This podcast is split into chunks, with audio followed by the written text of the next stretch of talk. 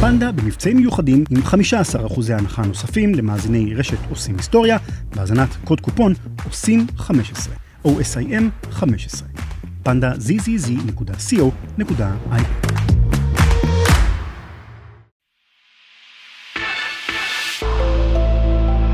רשת עושים היסטוריה. רשת עושים היסטוריה. רשת עושים היסטוריה.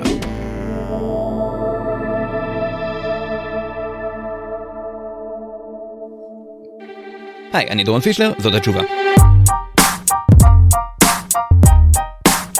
אני אמרתי כמה פעמים בזמן האחרון שאני בדרך כלל לא מתעסק באקטואליה. אני לא רוצה לעשות פרקים שנכונים להיום, כי די סביר שאתם לא שומעים את הפרק הזה היום. אתם שומעים אותו מחר, או בשבוע הבא, או בעוד חודש, או בעוד שנה, ומה שנכון היום לא בהכרח יהיה נכון בעוד שנה. אבל במקרה הזה אני קצת כן. זה פשוט כי אצלנו, כלומר במקום ובזמן שבו אני מקליט, הרגע הייתה אולימפיאדה.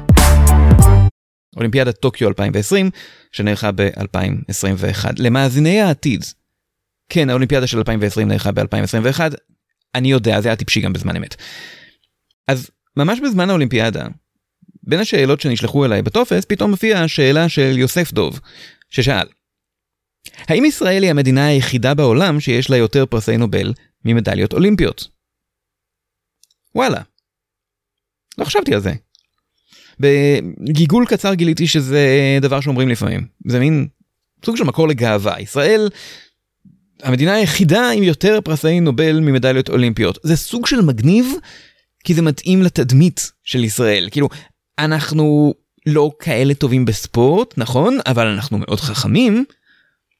מדינה של חננות. אנחנו כמו הילד החנן השדוף עם המשקפיים שמתעסק רק במחשבים ואף פעם לא בוחרים אותו לקבוצות בשיעורי ספורט. אבל מי הולך בהמשך להקים סטארט-אפ ולהיות מיליונר? אה? אז זאת תדמית מוצלחת, אבל נשאלת השאלה, האם זה בכלל נכון? רק שבשביל לענות על זה, צריך לספור פרסי נובל ולספור מדליות.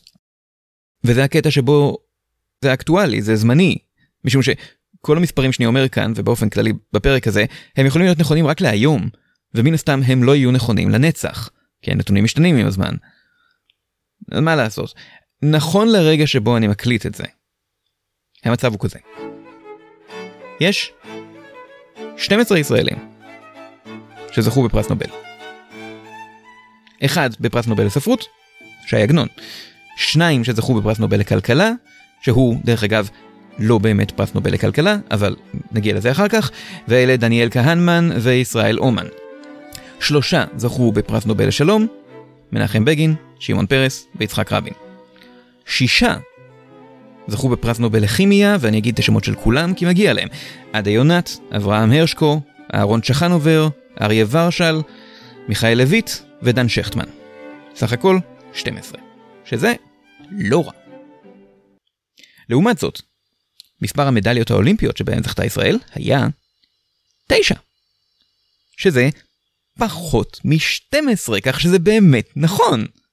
קול. עד לאולימפיאדת טוקיו 2020 ב-2021, שבה נציגי ישראל זכו בארבע מדליות. מה שמביא את מספר המדליות של ישראל ל-13, שזה, כמו שבטח שמתם לב, יותר מ-12. כך שזה כבר לא נכון. כבר אי אפשר אפילו להתגאות בזה שאנחנו לא ספורטאים אלא חכמים. יופי לינוי, תראי מה עשית. אז לא, זה לא נכון. אבל עדיין, זה הביא אותי להתעניין בשאלה האם ישראל באמת הייתה המדינה היחידה שלגביה זה היה נכון, או שיש עוד מדינות כאלה. והאם בכלל זה הגיוני להשוות מדליות אולימפיות לפרסי נובל, ומה בעצם הפך את פרס נובל לפרס נובל? והכי חשוב, מה אפשר לעשות כדי לחזור למצב הזה של יותר נובלים ממדליות? אלה השאלות. תכף תבוא התשובה.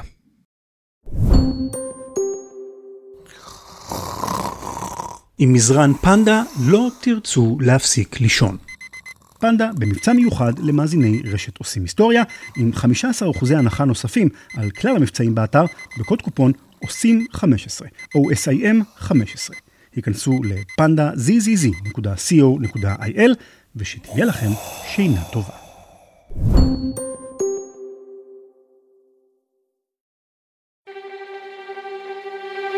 יום אחד אלפרד נובל פתח את העיתון וגילה שהוא מת.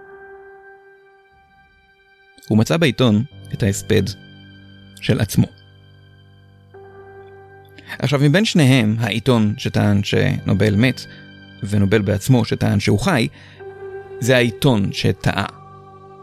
זה היה אחיו של אלפרד נובל שמת, בעיתון התבלבלו. אבל זה נתן לאלפרד נובל הזדמנות נדירה לעשות את מה שכל אחד היה רוצה לעשות. לקרוא את ההספד של עצמו. שזה ממש נחמד, כי בהספדים תמיד כותבים עליך רק דברים טובים. הוא היה כזה מוכשר, הוא היה כזה טוב לב ונדיב, איך נחיה בלעדיו? זה מאוד נחמד לאגו לקרוא את זה על עצמך. רק שההספד הזה לא היה נחמד בכלל. הכותרת שלו הייתה סוחר המוות מת. ונובל נעלב. סוחר המוות? אני? אלפרד נובל היה איש מאוד עשיר, ואת הכסף שלו הוא הרוויח מהעובדה שהוא היה כימאי וממציא, והוא המציא הרבה דברים, בעיקר דברים שמתפוצצים. הוא גילה את הניטרוגליצרין, והוא המציא את הדינמיט, שהוא בהחלט דרך יעילה לפוצץ דברים, וכן היו אנשים שהשתמשו בהמצאה הזאת כדי לפוצץ אנשים אחרים. אבל זו לא הייתה הכוונה שלו. נובל לא ייעד את ההמצאות שלו להיות כלי נשק, לדינמיט יש הרבה שימושים טובים. זה שימושי במחצבות, בקריאה, בסלילת כבישים, מה פתאום מוות? הוא מאוד נפגע מהרעיון שאחרי מותו יזכרו אותו בתור האיש שהביא מוות. הוא רצה להיזכר בתור איש שעשה טוב לעולם. ולכן, הוא כתב צוואה חדשה. כנראה. כלומר, אף אחד לא באמת יודע מה גרם לאלפרד אובל לכתוב את הצוואה שלו. זה נשמע בהחלט הגיוני שההספד השגוי זה דבר שהשפיע עליו, אבל אנחנו לא באמת יודעים מה עבר לו בראש, וזה סיפור טוב בכל מקרה. דבר שכן ידוע בוודאות זה שבצוואה החדשה שלו, אלפרד נובל הוריש כמעט את כל הכסף שלו, מה שהיה כאמור הרבה, לא לקרובים שלו ולא לחברים, וגם לא לצדקה. הוא הורה לעשות מהכסף הזה קרן. כלומר, הכסף הזה יושב בבנק וצובר ריבית. ואת הריבית שמגיעה כל שנה, הוא ביקש לחלק בתור פרס. פרס לאנשים שהביאו הכי הרבה תועלת לאנושות. בחמישה תחומים. כימיה, פיזיקה, רפואה, ספרות ושלום. אנשים שהביאו שלום בין אומות ובין אנשים. וזה מה שקרה. וזה מה שקורה עד היום. ואם הכוונה של נובל הייתה שהשם שלו ייזכר בהקשרים חיוביים במקום שליליים, זה עבד. זה עבד הרבה יותר טוב משהוא קיווה אפילו, כי פרס נובל הפך עם השנים להיות פחות או יותר הכבוד הכי גדול שמישהו יכול לקבל מכל סוג. הוא נחשב לפרס הכי חשוב בעולם. ברגע שמישהו זוכה בפרס, אז זוכה פרס נובל, זה וזה, הופך להיות התואר הראשי שלו. ורשימת הזוכים כוללת הרבה מהאנשים, המדענים והסופרים הכי חשובים והכי משפיעים בהיסטוריה של המאה ומשהו שנים האחרונות. מארי קירי, אלברט איינשטיין, מקס פלנק, מרטין לותר קינג, בוב דילן, גבריאל גרסיה מרקס, אמא תרזה, רוצים להיות מוזכרים באותה רשימה כמוהם? תעבדו על לקבל פרס נובל. ולמרות כל זה, אפשר בהחלט לשאול, מי החליט שדווקא הפרס הזה הוא הכי חשוב? למה דווקא הוועדה השוודית הזאת היא זאת שמחליטה מי הם האנשים הכי חשובים והכי טובים בעולם? זה הרי לא כזה קשה לייסד פרס, בדיוק כמו שנובל עשה את זה, כל אחד אחר, אם יש לו מספיק כסף, יכול לעשות את זה. ופרס נובל הוא בהחלט לא הפרס היחיד בעולם, יש המון פרסים וכיבודים אחרים שמוענקים כל שנה בתחומים שלו, ובתחומים אחרים. למשל, כמו שיש פרס נובל לכימיה, ישנו הפרס השני בחשיבותו בתחום הכימיה, שהוא כידוע... כן? אין שום סיכוי בעולם שאתם יודעים את זה, אלא אם כן אתם כימאים בעצמכם. אף אחד לא שמע על רוב הפרסים האחרים האלה, אז כן, יש את פרס טורינג ומדליית פילדס ופרס לסקר, אבל רוב האנשים לא יודעים בדיוק מה הם. על פרס נובל, כולם שמעו. למה? זה קצת כמו תופעת המונליזה, זאת אומרת, למה פרס נובל הוא כזה חשוב? כי הוא הכי מפורסם. ולמה הוא כזה מפורסם? דה, כי הוא הכי חשוב. ולמרות כל זה, זה לא שהפרס הזה הוא איזה תואר שיורד מהשמיים על הראש של האנשים הכי טובים בעולם. מי שמחליט מי יקבלו פרס נובל כל שנה, זאת ועדה וחבר שופטים שהם בני אדם. ובני אדם הם בני אדם. הם עושים טעויות. להבדיל מתחרויות ריצה באולימפיאדה, שבהם מנצח זה שהגיע קודם, ועם זה קשה להתווכח. בכל מקצוע שבו הזוכים נקבעים לפי ציונים ששופטים נותנים, תמיד יהיה מישהו שיטען שהשופטים טעו. שהם נתנו ציונים לא טובים, שבעצם מישהו אחר היה צריך לנצח, ומה שנכון בהתעמלות אומנותית, בטח שנכון בנושא כמו כימיה. שלא לדבר על ספרות. לבחור את הסופרת או הסופר הכי טובים או הכי ראויים בעולם, זה לא בדיוק משהו שאפשר למדוד. זה לא ש... שלום לכם מהאיצטדיון האולימפי, ההתרגשות פה בשיאה. אנחנו נמצאים דקות ספורות מפתיחת האירוע הגדול של הערב, הגמר האולימפי ב-100 מטר ספרות. האתלטים כבר מתחממים על המסלול, אני רואה על מסלול מספר אחת, נציג ארצות הברית, איירנסט המינגווי, בתרגילי חימום אצבעות על מכונת הכתיבה. בעתיד מספר 2, כמובן, הנציג הישראלי, שי עגנון, וכמובן שכולנו מחזיקים לו אצבעות ומקווים שאולי, אולי, יביא לנו את פרס הנובל המיוחד. במסלול המרכזי, נציגת פולין ויסלבה שימבורסקה, היא הראתה כושר טוב מאוד במוקדמות ואין ספק שהיא אחת המתחרות החזקות היום. במסלול השמאלי, סרמגו מפורטוגל, הוא מחלים מפציעה, והנה יריית הזינוק! אה, לא, זה היה המינגווי. זה לא עובד ככה, היו אנשים מסוימים שבחרו את הזוכה, ואם היו שם אנשים אחרים, הם כנראה היו בוחרים במישהו אחר. על כל זוכה יש אנשים שחושבים שזה לא בסדר שהוא זכה, שזה לא באמת הגיע לו, ושיש אנשים אחרים שלא זכו, שלהם כן הגיע לזכות. אם תשאלו אותי, זה לא בסדר שדאגלס אדמס לא זכה בפרס נובל לספרות. ומן הסתם זה נכון גם בתחומים אחרים. שלום. מי עשה עבודה טובה יותר לקראת שלום?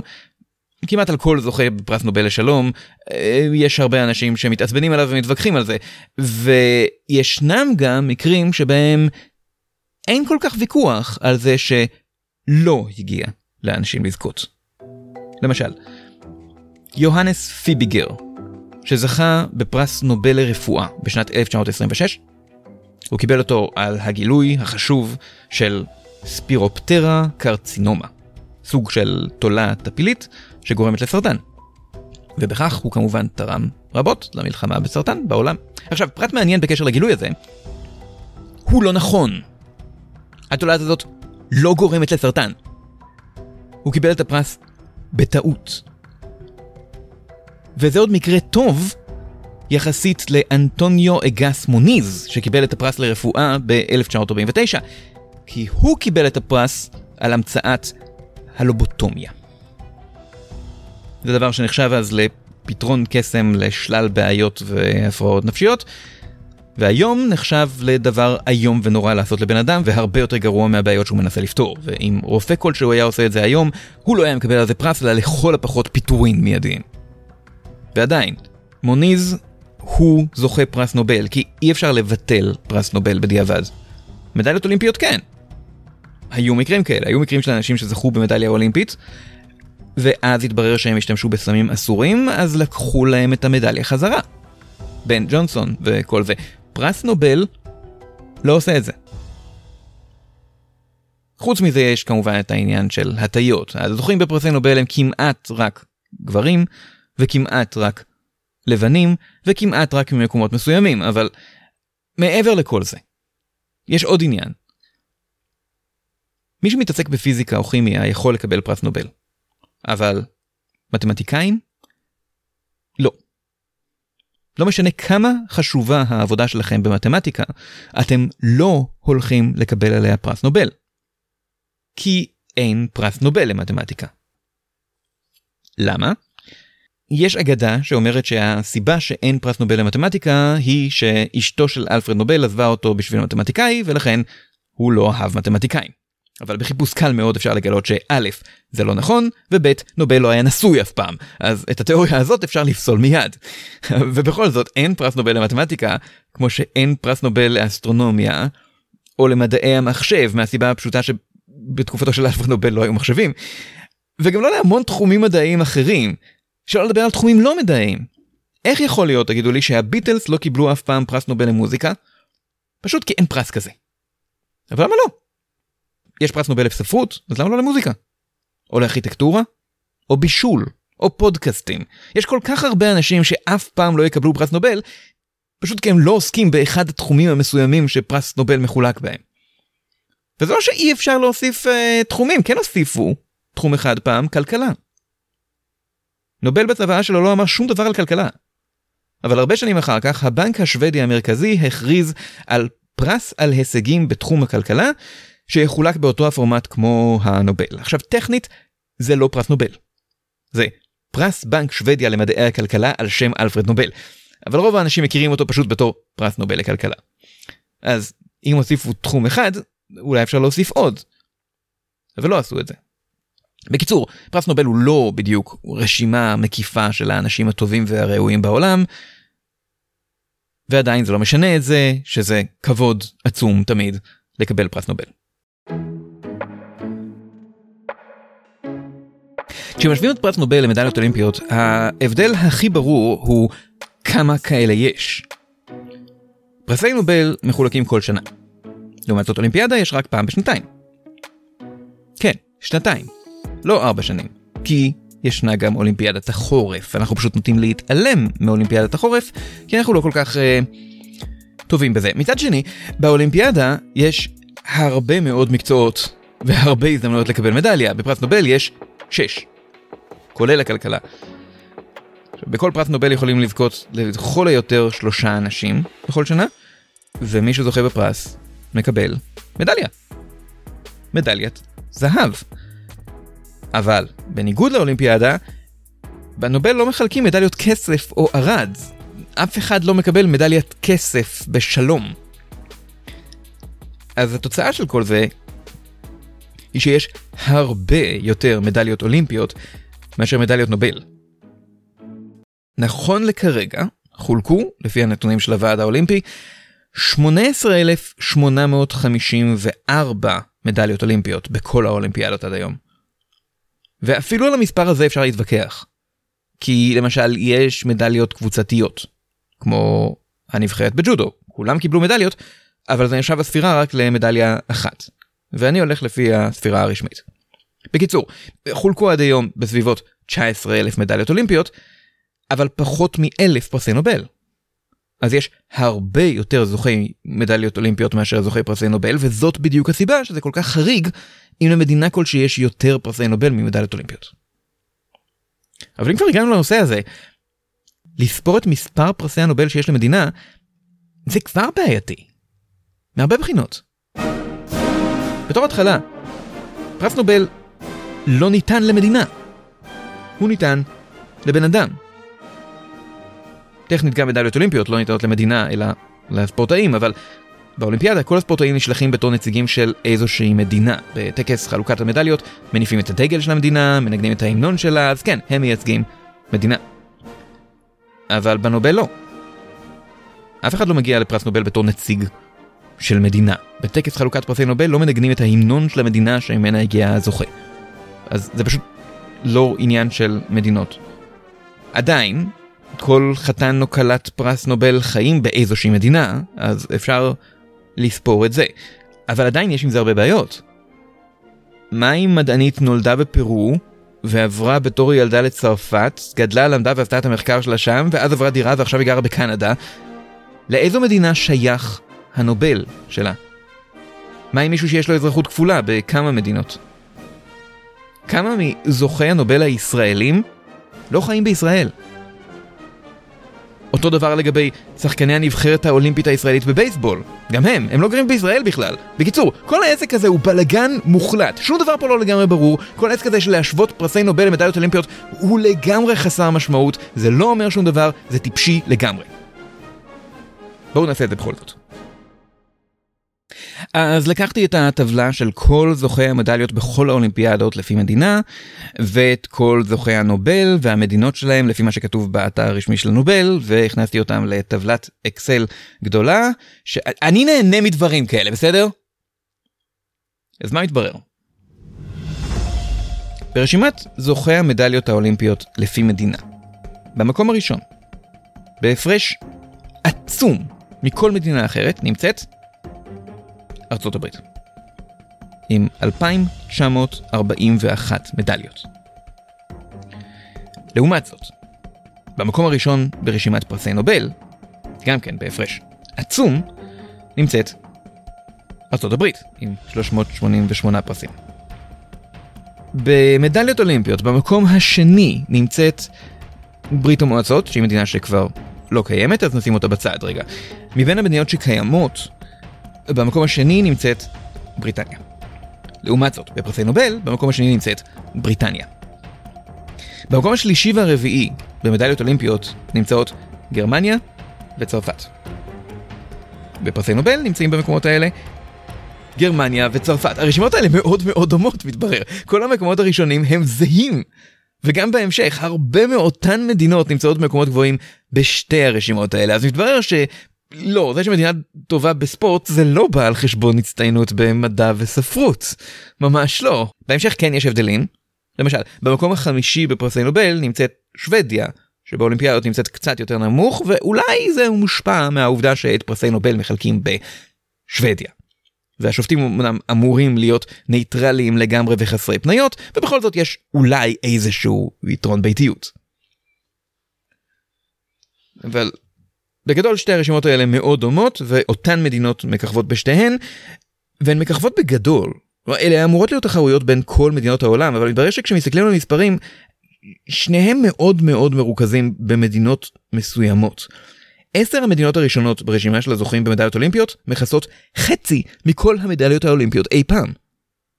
ובפרסי נובל זה עוד יותר גרוע, יותר מחצי מכל הזוכים אי פעם הגיעו בדיוק משלוש המדינות הראשונות ברשימה.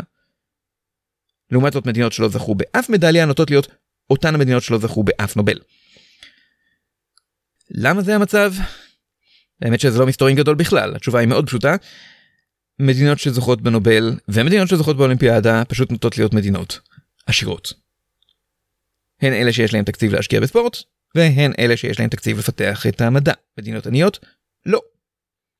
אירופה וארצות הברית הן פשוט המדינות העשירות יותר. למה הן עשירות יותר?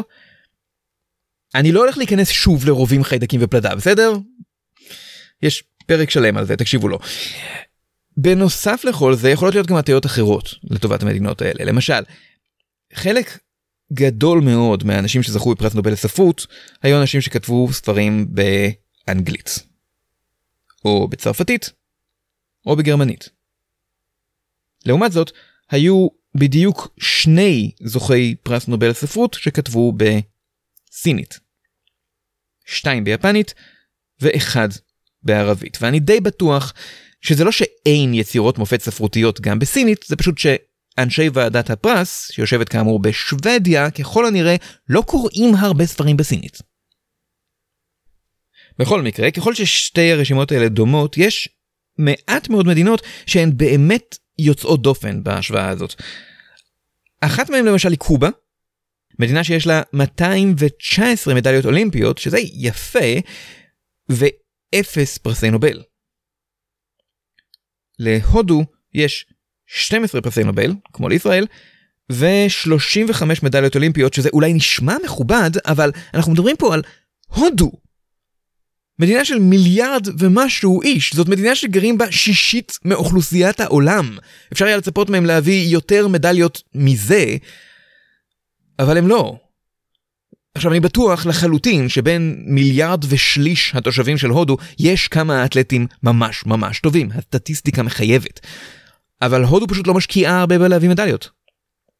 אם עכשיו היא הייתה שמה בצד מיליארד דולר בשביל לפתח ספורטאים שיביאו מדליות, הם היו מביאים מדליות. אבל היא לא. כי יש לה דברים אחרים לשים עליהם מיליארד דולר. זה הגיוני. חוץ מזה, תמיד חוזרת השאלה המעצבנת, למה ארצות הברית תמיד מנצחת? למה היא תמיד חייבת להיות יותר טובה מכולם בהכל? אז האמת היא שהיא לא. זה פשוט שהמדינות באירופה, המדינות העשירות, הן מדינות שהן בין קטנות לבין קטנות יחסית. ארה"ב היא היחידה שהיא גם עשירה וגם ממש גדולה. מכיוון שהאוכלוסייה של ארה"ב היא בגודל של בריטניה וגרמניה וצרפת ושוודיה ונורבגיה ופינלנד ושווייץ ואיטליה והולנד ודנמרק ביחד, זה יוצא הרבה. אבל אילו היינו סופרים את כל המדינות האלה בתור מדינה אחת גדולה, היא הייתה מנצחת בקלות את ארצות הברית, גם במדליות אולימפיות וגם בפרסי נובל. אז הרשימה של מי קיבלה יותר פרסים זה לא אומר כלום, זאת לא חוכמה לזכות בהרבה פרסים אם את פשוט מדינה מאוד גדולה. השאלה היותר רלוונטית זה מי קיבלה יותר פרסים ביחס לגודל האוכלוסייה. למשל, לישראל יש 13 מדליות, אמרתי, ו-9 מיליון תושבים, שזה קצת פחות ממדליה וחצי לכל מיליון תושבים. שהתחלקו. לארה"ב לעומת זאת יש הרבה יותר תושבים אבל גם הרבה יותר מדליות. יש לה בממוצע 9 מדליות לכל מיליון איש. אבל בדירוג הזה, ארה"ב לא קרובה אפילו למקום הראשון. יש הרבה מדינות מעליה. נגיד, נורבגיה. זאת מדינה קטנה מבחינת מספר התושבים שלה, יש בה פחות תושבים מבישראל, ויש לה הרבה מדליות. הרבה. יש לה 104 מדליות לכל מיליון איש. וגם היא לא נמצאת במקום הראשון בדירוג המדליות לאדם, משום שקיימת ליכטנשטיין. ליכטנשטיין היא מקום תמוה מכמה בחינות. קודם כל, היא המדינה היחידה בעולם שיש לה שם של רופא שיניים. חוץ מזה, זה אחד המקומות האלה שלא ברור למה זאת מדינה. זה מקום מאוד מאוד יפה, אבל מאוד קטן. זה באלפים בין שווייץ לאוסטריה, יש לה אוכלוסייה של עיר קטנה ואתר סקי. אבל העיר הקטנה הזאת זכתה בעשר מדליות אולימפיות. כולן אגב באולימפיאדת החורף, וכולן באותו מקצוע. סקי אלפיני. לא הייתי מנחשים. אז זה מביא לה את הממוצע של 274 מדליות למיליון איש. כלומר, אם היו שם מיליון איש, ואין. כלומר, כדי לעקוף את ליכטנשטיין בדירוג הזה, ישראל הייתה צריכה לזכות בערך ב-2466 מדליות אולימפיות. כאמור, כרגע יש לנו 13, אז יש עוד לאן להתקדם. לעומת זאת, בדירוג של שיעור זוכי הנובל ביחס לגודל האוכלוסייה, לישראל יש נובל ושליש לכל מיליון איש, מה שמציב אותה במקום ה-13 בעולם, שזה לא רע בכלל. זה מעל ארצות הברית, אבל מתחת לבריטניה. והרבה מהמדינות מהמקומות הראשונים הם קצת כמו ליכטנשטיין בספורט, כלומר אלה מדינות קטנות שיש להם פרס נובל אחד או שניים וביחס לאוכלוסייה הקטנה שלהם זה יוצא הרבה. למשל, אחת מהם היא לוקסמבורג, זאת מדינה קטנה מאוד, שיש לה שני זוכי פרס נובל, ולכן שיעור הזוכים שלה למיליון איש הוא מאוד גבוה. דבר אחד מעניין בקשר ללוקסמבורג זה שמבין שני הזוכים שלה, אחד מהם, גבריאל ליפמן, שזכה בפרס נובל לפיזיקה ב-1908, הוא יהודי, שזה כשלעצמו לא מפתיע, כי יש המון זוכי פרס נובל ליהודים, אבל מה שזה אומר שבלוקסמבורג לא רק שיש להם שיעור זוכי פרס נובל ביחס לאוכלוסייה גבוה יותר משל ישראל, יש להם שיעור של זוכי פרס נובל יהודים יותר גבוה משל ישראל. אבל כל זה לא היה העניין המרכזי, בואו נחזור לשאלה. ישראל הייתה מדינה שיש לה יותר פרסי נובל ממדליות אולימפיות. האם היא הייתה היחידה? ובכן, לא. היו, ועודן, כמה מדינות אחרות שיש להן יותר פרסי נובל ממדליות. יש עשר מדינות כאלה כרגע, למרות שצריך לומר שבכל המקרים האלה מדובר במספרים מאוד קטנים. לגואטמלה יש מדליה אולימפית אחת בדיוק, מדליית כסף בהליכה, ושני פרסי נובל. כל האחרות הן מדינות שאין להן מדליות בכלל. למיינמר, תימן, פלסטין והרפובליקה הדמוקרטית של קונגו יש אפס מדליות ופרס נובל אחד. למזרח תימור, בנגלדש, בוסניה, הרצגובינה וליבריה יש אפס מדליות ושני פרסי נובל לכל אחת. אבל מי שבאמת מרשימה פה, והמתחרה העיקרית של ישראל בתחום הזה, אני חושב, היא סיינט לושה. אם אף פעם לא שמעתם על סיינט לושה, זה די מתבקש, זאת אחת המדינות הכי קטנות בעולם. סיינט לושה היא אי קטנטן בקריבים, קצת יותר גדול מנאורו אבל לא בהרבה, מבחינת גודל האוכלוסייה, סנט לושה היא בערך בגודל של חולון. באופן לא מפתיע בכלל, סנט לושה אף פעם לא זכתה במדליה אולימפית. באופן כן קצת מפתיע, כן קרה שתושב סנט לושה זכה בפרס נובל. ובאופן מדהים לגמרי, זה קרה פעמיים. ואלה לא היו שני אנשים שעבדו ביחד או משהו, אלה שני אנשים שונים בשנים שונות ובתחומים שונים. ארתור לואיס זכה בפרס לכלכלה ב-1979, ודרק וולקוט זכה ב-1992 בפרס נובל לספרות. ומכיוון שהאי הזה הוא כל כך קטן, שני אנשים הם אחוז די נכבד יחסית מהאוכלוסייה של האי הזה. אז זה לא רק שיש להם יותר זוכי נובל ממדליות, זה אומר גם ששיעור זוכי הנובל ביחס לאוכלוסייה בסיינט לושה הוא עצום. הוא רחוק, רחוק מעל לכל מדינה אחרת. אז, מה הייתה השאלה? האם ישראל היא המדינה היחידה שיש לה יותר פרסי נובל ממדליות אולימפיות? התשובה היא לא. אבל, אנחנו עדיין יכולים להגיע לזה. יש לי תוכנית. איך נחזיר למדינה את התואר הזה. זה לא יהיה קל, זה דורש הרבה עבודה מצד כולנו. אנחנו צריכים להתגייס כולנו ולעבוד יחד בשביל זה. שלב א', אנחנו צריכים עוד שני פרסי נובל לפחות. אז קדימה, חוקרי כימיה, פיזיקה, רפואה, אני רוצה לראות פה עבודה. מאיר שלו, נובל לספרות, זה עליך, תביא איזו יצירת פאר. עוד דבר שמומלץ מאוד לעשות זה שלום. עם מישהו, זה ממש הוכיח את עצמו בפעמים הקודמות. שלב ב', אנחנו צריכים לפתח קשרי ידידות אמיצים עם בנגלדש, ליבריה, גואטמלה וכל המדינות האלה, וכמחווה של רצון טוב, לשלוח אליהן את מיטב מאמני הספורט שלנו. זאת המשימה שלנו, לקדם את הספורט בבנגלדש ובמדינות האחרות. והכי חשוב, לשלוח נציגות לסיינט לושה. זאת משימה מספר אחת. אנחנו רוצים שמהאולימפיאדה הבאה סיינט לושה תצא עם שתי מדליות לפחות. ודבר אחרון, וזה החלק בתוכנית של הספורטאים הישראלים. לכם, הספורטאים, החלק הכי חשוב בתוכנית. אתם צריכים לא להביא עוד מדליות.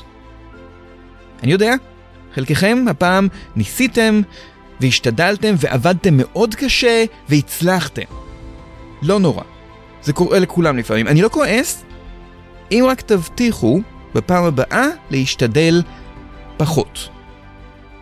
אני בטוח שעם קצת פחות מאמץ וקצת פחות אימונים, והכי חשוב, פחות אמונה בעצמכם, אתם יכולים להגיע לכל היותר למקום רביעי. וככה, ביחד, נחזיר את ישראל להיות מדינה חננה.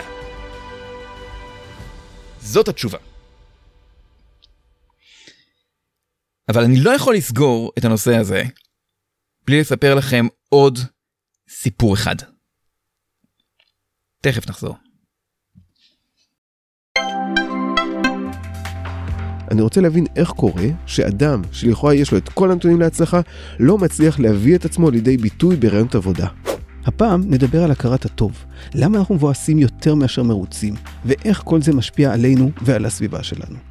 כדי לנסות למצוא תשובה לשאלה איך בוחרים, איך עושים סדר בבלגן, אני מזמין אתכם לרכוש עוד תובנות וכלים מעולם התוכן היהודי אל החיים שלכם. בפודקאסט של נפש יהודי תמצאו כיווני חשיבה, פרקטיקות, היסטוריה וידע שיעשירו את עולמכם האישי, המקצועי, המשפחתי והרגשי. חפשו לגעת ברוח באפליקציות הפודקאסטים או באתר של רשת עושים היסטוריה.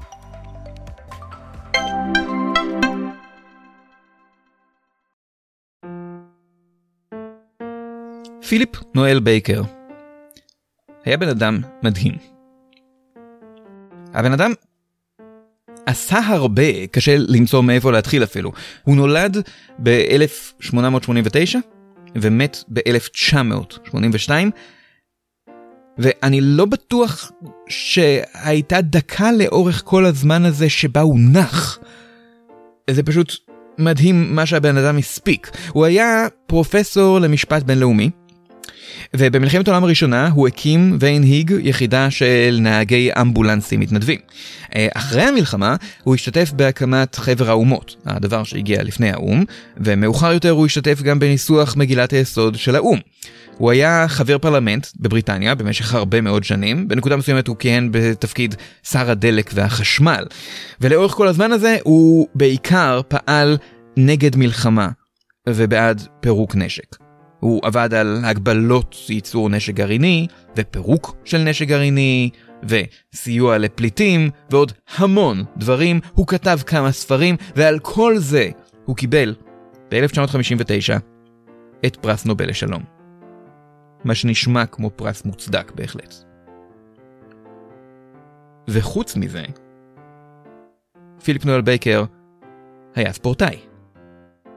הוא היה אצן, הוא השתתף בשלוש אולימפיאדות ב-1912, 1920 ו-1924, כשבאחת מהן, ב-1920, הוא התחרה בריצת 1,500 מטר, והגיע למקום השני. ולכן, פיליפ נואל בייקר הוא האדם היחיד בהיסטוריה שזכה גם במדליה אולימפית וגם בפרס נובל. ואני ממש לא בטוח אם למישהו בעולם היה או יהיה אי פעם זוג מדליות מרשים יותר מזה. זאת הייתה התשובה. אם אתם רוצים לשמוע אותי זוכה בפרס נובל, אתם יכולים לשמוע את זה בפרק אה, מה זה חומר אפל. ואם אתם רוצים לשמוע משהו אחר, אז אה, כדאי לכם לנסות את הפוליטיקאים, הפודקאסט החדש יחסית של רותם דנון, ברשת עושים היסטוריה. הוא מדבר על פוליטיקה, וההיסטוריה של הפוליטיקה, אבל הקטע הוא שהוא עושה את זה מעניין. זה ממש כדאי. את כל הפרקים של הפודקאסט הזה תמצאו בכל אפליקציית פודקאסטים, או באתר של עושים היסטוריה. בעמוד הפייסבוק דורון פישלר נגד העולם תמצאו עדכונים על פרקים ועל הרצאות שלי, ואם אתם רוצים להזמין אותי אליכם להרצאה, אז בכלל אני אשמח. עורך ומפיק יותם מלאכמי, ייעוץ ותמיכה מורלית אביב שם טוב, תרגום משוודית שרה וכטל, עורך כללי רן לוי, מנהל עסקי דני תימור, אני דורון פישלר, ביי. לפודקאסטים נוספים של רשת עושים היסטוריה ולהצטרפות לרשימת התפוצה של התוכנית בדואר האלקטרוני, בקרו בעושים היסטוריה.com או הורידו את אפליקציית עושים היסטוריה בחנות האפליקציות של אנדרואיד.